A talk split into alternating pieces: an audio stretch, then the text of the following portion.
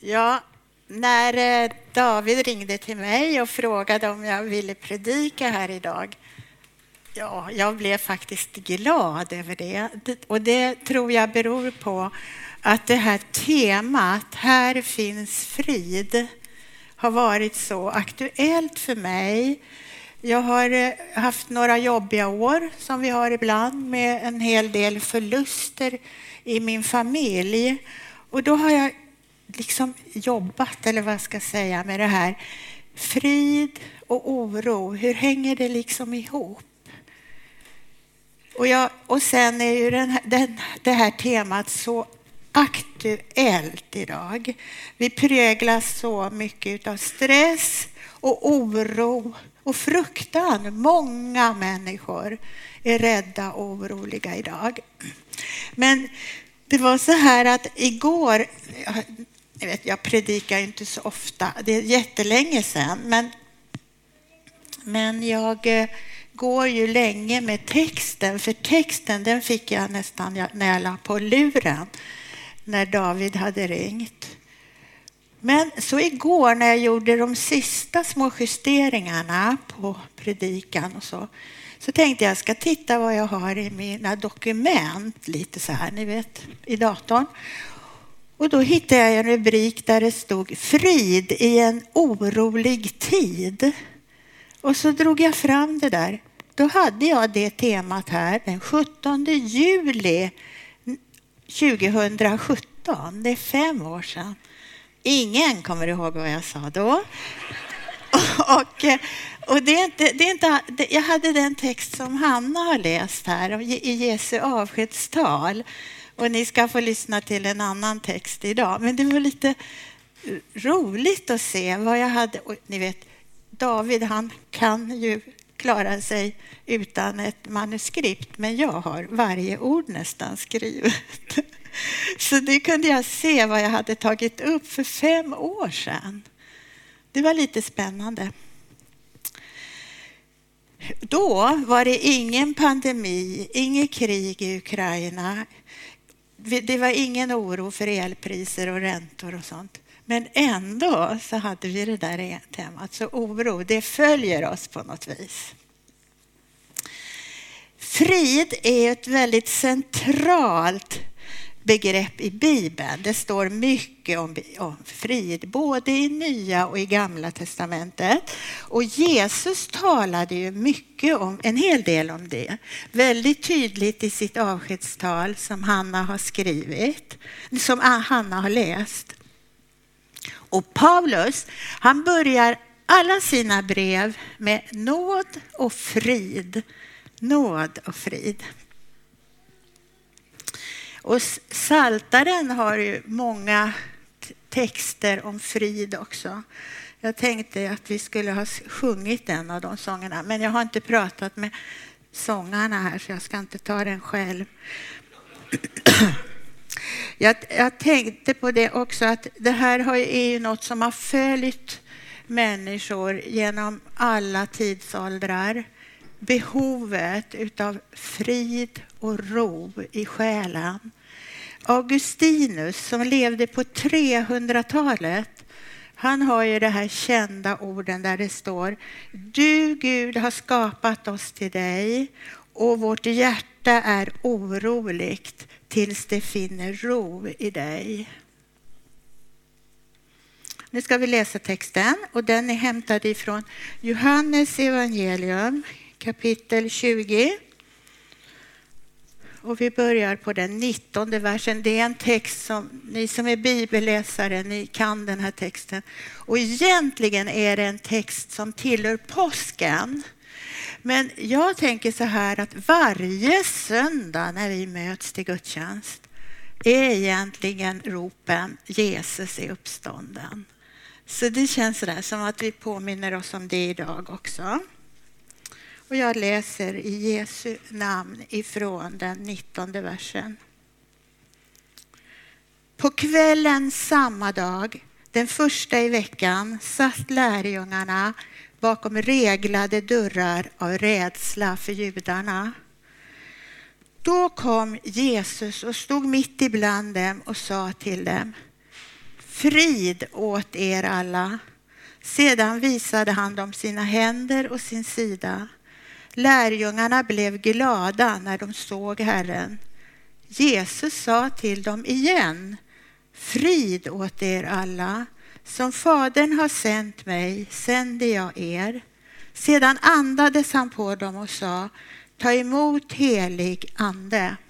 Om ni förlåter någon hans synder så är de förlåtna och om ni binder någon i hans synder är han bunden.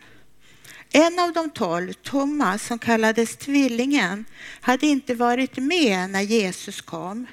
De andra lärjungarna sa nu till honom, vi har sett Herren, men han sa, om jag inte får se spikhålen i hans händer och sticka fingret i spikhålen och sticka handen i hans sida tror jag det inte. En vecka senare var lärjungarna samlade igen och Thomas var med. Då kom Jesus, trots att dörrarna var reglade och stod mitt ibland dem och sa Frid åt er alla. Därefter sa han till Thomas Räck hit ditt finger, här är mina händer. Räck ut din hand och stick den i min sida. Tvivla inte utan tro. Då svarade Thomas, min Herre och min Gud. Jesus sa till Thomas, du tror därför att du har sett mig. Saliga de som inte har sett mig, men ändå tror. Amen.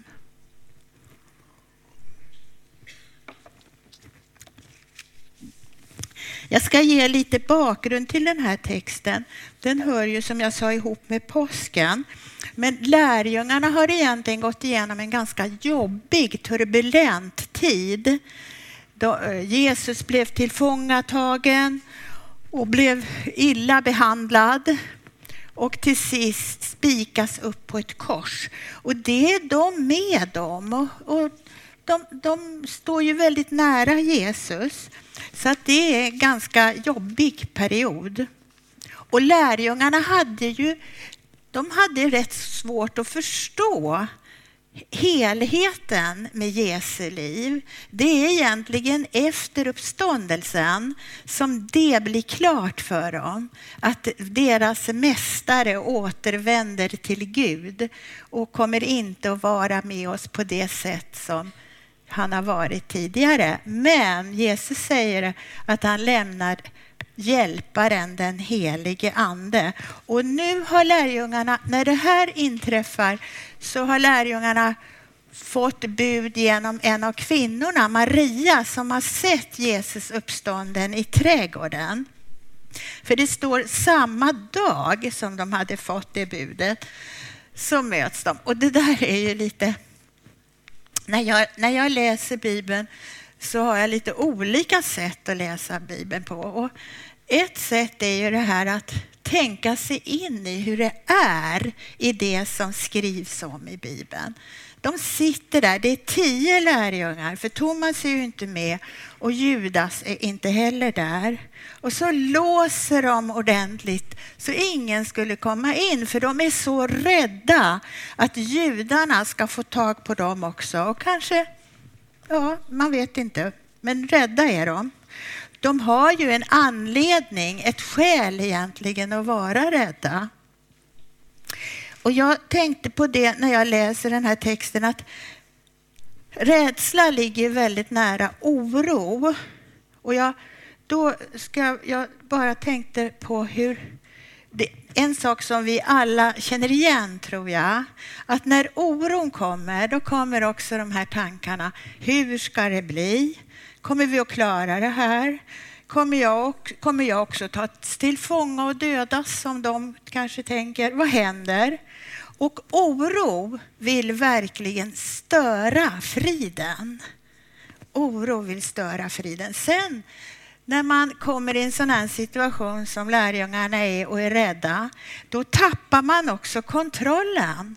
Och vi är många som vill ha koll liksom på vad som ska hända. Och vi har egentligen ingen koll vad som händer imorgon. Men vi tror att vi har koll. Och väldigt mycket vill vi ha koll över. Men vi kan inte kontrollera alltid och i sådana här situationer så kan vi kanske inte heller göra någonting åt situationen och då känner man sig ruskigt hjälplös. Något som jag eh, har tänkt på under de här åren som ligger bakom, det är det här att man... Jag, jag tänker ibland så här, tänk om. Inte tänk om, men tänk om. Svenska språket är inte så enkelt. Men eh, tänk, tänk, tänk om det här skulle hända, eller tänk om det här hade hänt. Eller, och man blir alldeles bunden i det där. Tänk om... Ja, ni vet, allt möjligt kan ju hända. Och så bryter man friden genom såna här tankar och känslor. Vi har alla, alla har vi erfarenhet av rädsla och oro. Och vi kommer aldrig att bli orosfria. Vi kommer inte att bli det. Och en viss del, en viss oro är ju också en positiv oro för det kan finnas väldigt mycket kärlek i oron. Oron för barnen och så här. Men vi kommer alltid att möta oro och rädsla. Det liksom ingår i våra liv. Och det här rummet, jag tror att det var en lite obehaglig känsla, rädd, och orolig. Och då händer det som de inte kunde riktigt räkna ut. In genom den reglade låsta dörren kommer deras mästare och herre.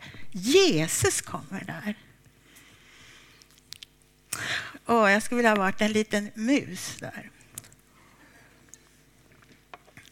Och så säger Jesus Frid åt er alla. Han säger inte sitter ni här era ynkryggar och kan inte vara ute liksom. Nej, han säger frid åt er alla. Och han säger det tre gånger i den här situationen. Frid åt er alla. Ja, det, det, nu ska jag bara vända på det här. Jag tog upp lite om det här hur man kan läsa Bibeln. Och man kan ju läsa Bibeln på olika sätt. Och ibland kan man tänka så här, åh, jag har läst och läst. Nej, jag skulle vilja göra på ett annat sätt. Jag skulle bara ge er några små tips. Alltså, meditation det, det, kopplar man ibland till österländsk flummighet. Men meditation är ett neutralt ord och det betyder också eftertanke. Och det är viktigt var man har sitt fokus om man ska meditera. Men det är bra att göra det. Och då kan man göra så att man börjar med att be den helige Ande om hjälp när man går in i en text. Det är det första. Och sen läser man texten många gånger. Vi har ju lite svårt att fatta, i alla fall jag. Så att man läser den många gånger. Och sen så är det ju så att vi talar om att Guds ord är levande. Och då kan en text bli levande som vi kanske har läst massor med gånger. Som den här texten till exempel. kan man upptäcka och den heliga Ande kan visa på saker. Och så kan man ha med sig en fråga in i texten. Vad berör, vad är det i den här texten som berör mig? Och sen tycker jag att det är bra att ha en liten bok som man skriver i. Man kan ha en bok som är en, liksom som ett brev till Gud på något sätt. Det är ingen annan som ska läsa i den där. Jag har haft en sån bok i många, många, många år. Nu vet jag inte vad jag ska göra mer om för att det blir en stor hög till sist. Men bibelläsningen kan förnyas på många sätt och det är spännande. Också det här som jag sa om rummet. Hur känns det att vara med de här lärjungarna? Tänk om Jesus skulle komma in här gående i vår kyrka. Jesus är här. Men någon kanske skulle säga att det skulle vara mycket lättare att tro om Jesus gick genom reglade dörrar och in här. Ja, det skulle det kanske vara. Men vad var det Jesus sa till Thomas? Saliga de som inte har sett mig men ändå tror. Saliga de som inte har sett men ändå tror. Sen är det så lite spännande i den här texten som jag har läst för att Jesus håller nästan som en liten minipredikan på två ämnen. Han säger så här. Som Fadern har sänt mig sänder jag er. Sedan andades han på dem och sa ta emot helig ande. Det är som en andra missionsbefallning på något sätt. Jag sänder ut er här trots att ni är så rädda. Det sa inte Jesus. Men jag tänker det, jag sänder ut er här. För en sak händer ju i det här rummet också. Det står lärjungarna blev glada när de hörde Jesus och såg Jesus. Så det förändrades ju, känslan. För, och så jag tänker att det nästan är som omslutet av Guds frid, det där rummet. Det är Guds frid. Men så säger Jesus att jag sänder ut er. Det är ju det som lärjungarna behövde höra på något vis i den där situationen. Men sen tar, tar Jesus också upp betydelsen av att förlåta. Och jag har funderat över varför Jesus tar upp det här, men det är... Nu har jag levt i många år, så jag har ju, man har sett hur människor kan ha fastnat i oförsonlighet och oförlåtenhet. Så det är egentligen det allra viktigaste i våra relationer och det tar Jesus upp här. Jag ska inte ta så mycket av det. David var inne på det eh, för några veckor sedan i sin predikan. Men det är så tydligt att det här så. Och för oförsonlighet är början till bitterhet och bittra rötter kan ta bort all frid. För att om vi inte förlåter den som har sårat oss då samlar vi på bitterhet. Och det har vi, vi hörde redan i bönen Fader vår, förlåt oss våra skulder så, så, och vi förlåta dem som står i skuld till oss. Och det är jätteviktigt. För bitterhet och frid kan aldrig växa tillsammans. Då tar de bittra rötterna över och förpestar livet. Det måste man se, se till. Sen har vi Thomas här också, han som missade första kvällen och fick information av sina kamrater. Eh, du, du, du, skulle varit med, liksom. Var, varför kom du inte? Eller så där. Men han får också en chans. Och det är inte heller med några förebråelser. Varför var du inte med förra söndagen på gudstjänsten? Du skulle ha varit med. Nej, Jesus säger återigen frid åt er alla.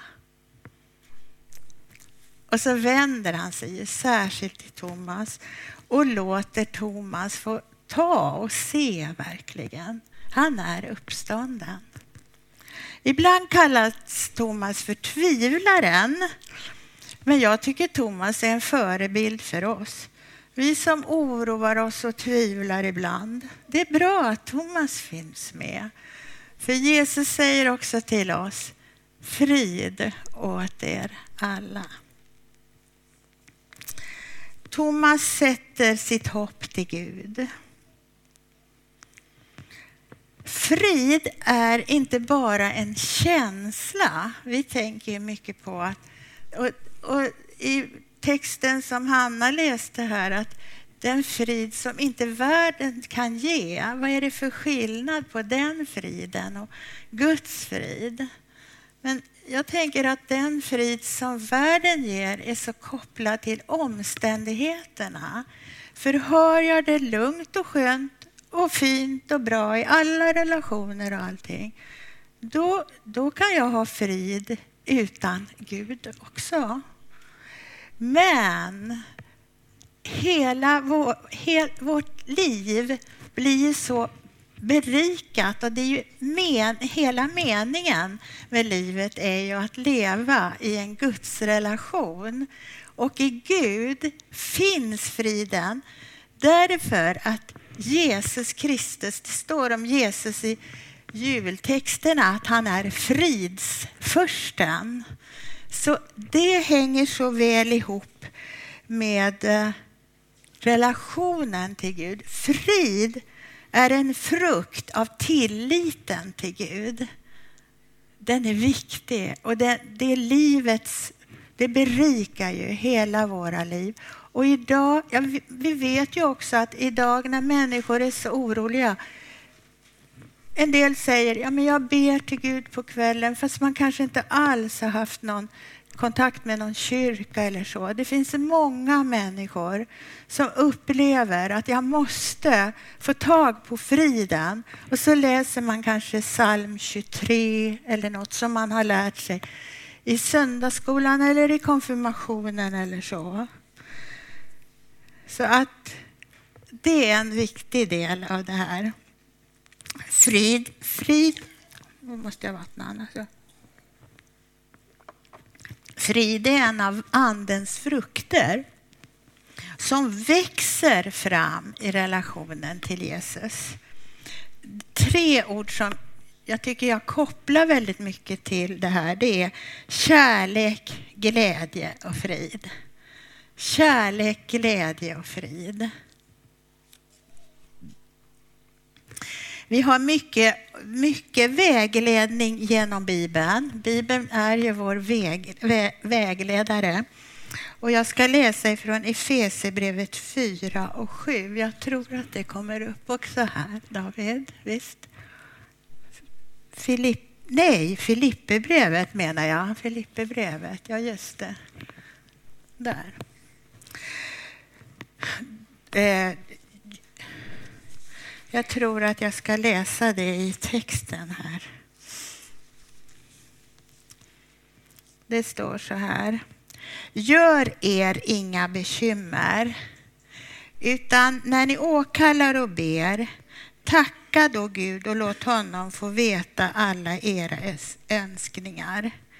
Då ska Guds frid, som, ö, som är mera värd än allt vi tänker, ge era hjärtan och era tankar skydd i Kristus Jesus.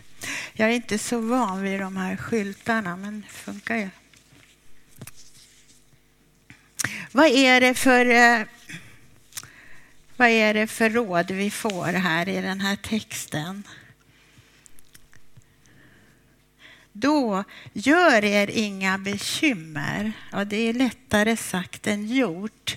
Men man kan vara uppmärksam på vad det är som bekymrar och oroar mig. Och sen kan man få erfarenhet av att när man tittar tillbaka så kan man säga, nej men tänk vad jag oroade mig för det. Och så nu ser jag ju att det har ordnat sig. Så man lär sig också, så gör Gör er inga bekymmer. Och så har vi det här, tacka Gud och låt honom få veta era önskningar. Det där har ju varit en sån viktig del i mitt liv, att tacka Gud. Jag har någon gång sagt här att gör en lista lite nu och då på allt som du är tacksam över. För ser du det så genererar det i glädje och frid. Ser vi det, eller börjar på dagen med det vi inte har, det som är bekymmer och alltihopa det där, så blir det en annan inriktning på dagen. Tacka Gud, han vet. Och var väldigt öppen och ärlig mot Gud i allt det du säger och gör. I vissa perioder när jag har varit väldigt orolig för saker då fick jag rådet av min, jag hade en vägledare då som jag haft också sådär för att hjälpa mig faktiskt. Hon sa ta en liten fin skål och så skriver du dina bönämnen där och så lägger du dem där på kvällen. De skrivna bönämnena. Så det är ett litet tips att göra det. För att då, vi kastar våra bekymmer väldigt tydligt i den där lilla skålen. Och det har varit så bra för mig. Vi hittar väl våra olika sätt att hantera vår oro och rädsla. Och så det här som jag sa att ta upp det. Oförsonligheten. Om, om du känner att jag måste förlåta den där människan eller det kan ha varit något som vi blir utsatta för. Det behöver man ibland hjälp med. Prata med någon du har förtroende för så att du kan lämna och bli fri och gå vidare. För oförsonlighet binder upp oss och det såg vi i den här texten också. Om vi kommer in i en vana som är god så på sikt fördjupas relationen till Jesus. På sikt. Det är, och vi kommer under livets gång uppleva både oro och rädsla. Men i ditt allra innersta, där Gud bor, där finns frid. Och den friden kan få växa och bli till en djupare tillit till Jesus Kristus. Till sist en vers ifrån Saltaren. Varför är du så tyngd av sorg, min själ, och fylld av oro? Sätt ditt hopp till Gud. Jag skall åter få tacka honom, min räddare och min Gud. Varför är du tyngd av sorg, min själ, och fylld av oro? Sätt ditt hopp till Gud. Jag ska åter få tacka honom, min räddare och min Gud. Amen. Vi ber.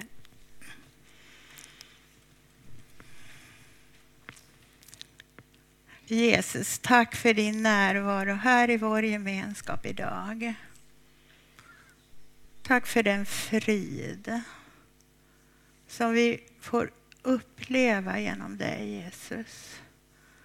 Jag vill be för var och en som finns med här idag som är orolig och rädd. Och, ja, Jesus, vi, vi är det inför allt som sägs i nyheter och så. Men Herre, vi får komma till dig.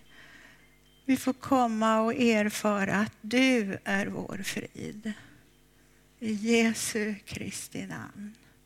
Amen.